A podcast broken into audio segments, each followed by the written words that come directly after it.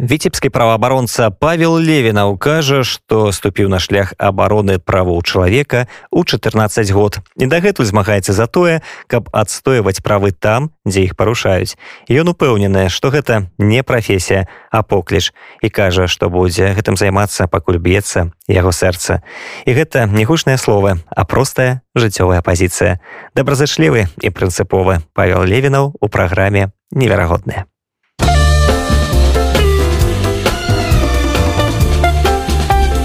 невероятные. Добрый вечер, меня зовут э, Павел Левинов, я правозащитник из э, Беларуси. Задают, когда вопрос, сколько лет вы занимаетесь правозащитной деятельностью, и я на него отвечаю, что я правозащитной деятельностью занимаюсь с 14 лет. А как получилось? Я 7 лет отходил э, в один класс, и восьмой класс для меня должен был быть последним, потому что я собирался поступать в техникум. Но придя 1 сентября, я вдруг узнал, что без э, моего согласия, без моей воли, меня вдруг решили перевести из класса В в класс Г. И я с этим не согласился. И как-то так получилось, что я не пошел жаловаться маме, не пошел жаловаться папе, а начал отстаивать э, свои права учиться в том классе, в котором я желаю, в котором я хочу, и это у меня, это у меня получилось. Вот это, знаете, такой вот пример, при том получилось на уровне директора школы. Я был, как говорится, возвращен учиться в свой родной класс, успешно его закончил, потом я поступил в техникум, после техникума я поступил в ВУЗ, ну, в ВУЗе до конца доучиться не смог, так как вы понимаете, молодость, там все эти дела. Я на третьем курсе зимнюю сессию еще сдал с хвостами, да, а до летней уже не дотянул, получил повестку вооруженные силы и уехал служить в Эстонию, где и разощищал два года родину. Для меня это самого загадка, как так получилось, что я решил связать свою жизнь на то время еще советской армии. Я остался на сверхсрочную службу, получил звание прапорщика и служил в вооруженных силах Советского Союза. После распада Советского Союза вернулся в родную Беларусь, в родной город Витебск э, и продолжил, кажется, переквалифицировался по роду войск. И если там у меня были сухопутные войска, то в Витебске я стал десантником. Служил я в 103-й гвардейской воздушно-десантной дивизии, в управлении этой дивизии, потом она была переформирована в управление мобильных сил. Вот, имею 44 прыжка с парашютом. Служа в вооруженных силах, я тоже видел много много несправедливости, особенно со стороны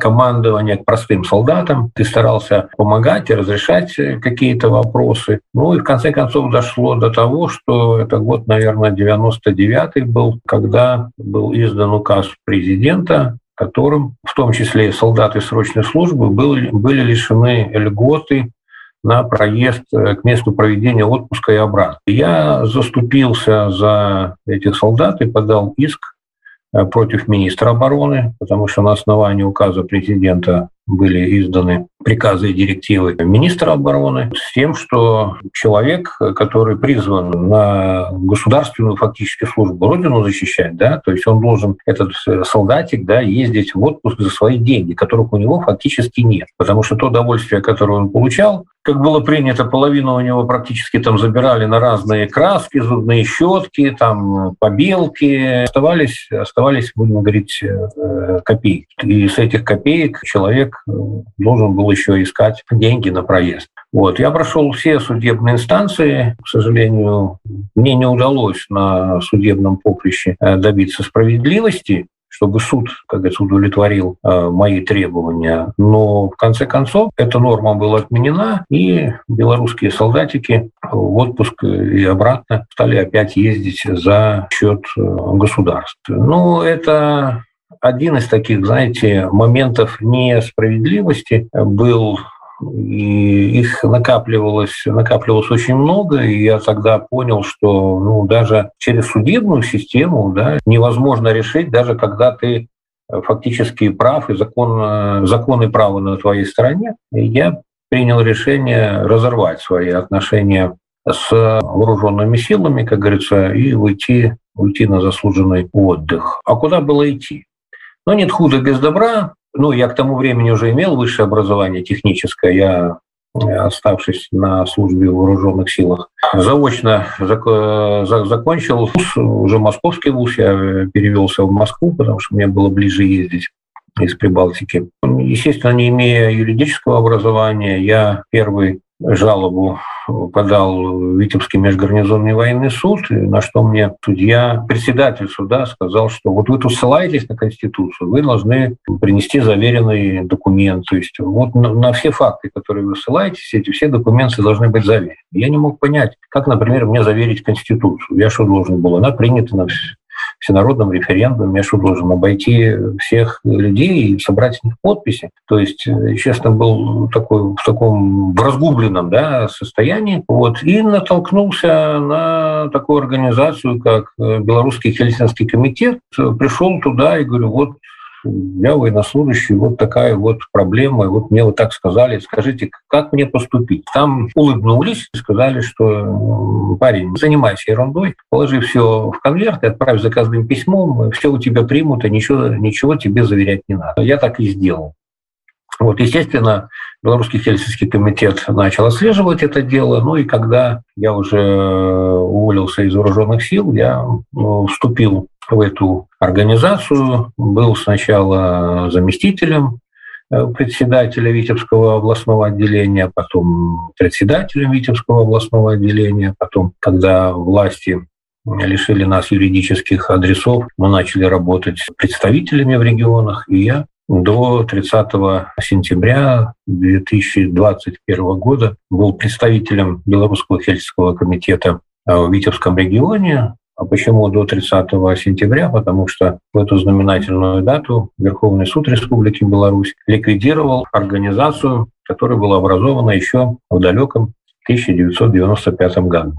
Ну вот э, так я стал на рельсы, на рельсы правозащиты, занимался самообразованием, потом э, закончил э, Витебский государственный университет имени Петра Мироновича Машерова, отделение правоведения, получил еще диплом, диплом юриста. Без работы, как говорится, общественный никогда не оставался. Но вот то, что случилось у нас в стране после августа 2020 года, если раньше не хватало времени поесть, то после августа 2020 года уже не стало хватать времени и поспать вот, потому что навалился шквал э, репрессий, и людям необходимо было оказывать помощь. Но как оказалось впоследствии, что э, оказание безвозмездной помощи людям в Беларуси почему-то карается э, законом, и мои коллеги правозащитники, в частности, Леонид Судаленко из Гомеля за оказание помощи, безвозмездной помощи людям оказался в местах э, не столь отдален. Естественно, после августа 2020 года э, нагрузка на правозащитников увеличилась кратно. Сложность еще начала заключаться в том, что если до августа 2020 года в Республике Беларусь не работало право, вот, но хотя бы мы могли ссылаться на нормы закона, то после того, как на совещании силовых структур было сказано, что иногда не до законов, то просто произошла такая, знаете, вах ваханалия. Будем так говорить, ответные репрессии даже там, где, ну, будем говорить, на ровном месте. Человека избили, он обращается, избили в милиции, он обращается на действия сотрудников милиции. Вместо того, чтобы проводить проверку по его избиению, возбуждают уголовное дело против этого человека. Люди, которые погибли при э, проведении мирных собраний, уголовные дела уже прошло столько времени. В отношении тех людей, которые привели к, смерти других людей, уголовные дела не начаты. Жизнь не останавливается из-за каких-то событий. Жизнь останавливается лишь только тогда, когда, будем говорить, прекращает биться сердце. Вот. Так вот, пока мое сердце бьется, то я буду прилагать все усилия для оказания помощи лицам, чьи права нарушены. Я не могу понять, почему наша власть начала борьбу с правозащитниками. Во всем мире правозащитники – это так сказать, э, помощники власти, да, они выявляют э, какие-то проблемы, показывают власти, что их надо, что их надо решать. Говорят, Соединенные Штаты Америки – это оплот демократии. Ну, и там есть правозащитники, и там нарушаются права человека. Поэтому даже если в Беларуси произойдет смена власти, то какая бы власть на сегодняшний день демократическая не пришла к власти, да, вот, все равно у нее будут потуги ущемить, э, прищемить э, права, права граждан. Власти часто называют нас оппозиционерами. Хотя правозащитники не идут к власти, они не вне политических партий, вне политических систем. Да? То есть мы защищаем права человека. Будут у власти коммунисты или будут у власти правые, или будут центристы, или я не знаю, кто, кто-то, кто-то еще, но еще раз повторюсь, что умная власть с правозащитниками ну, бороться не будет.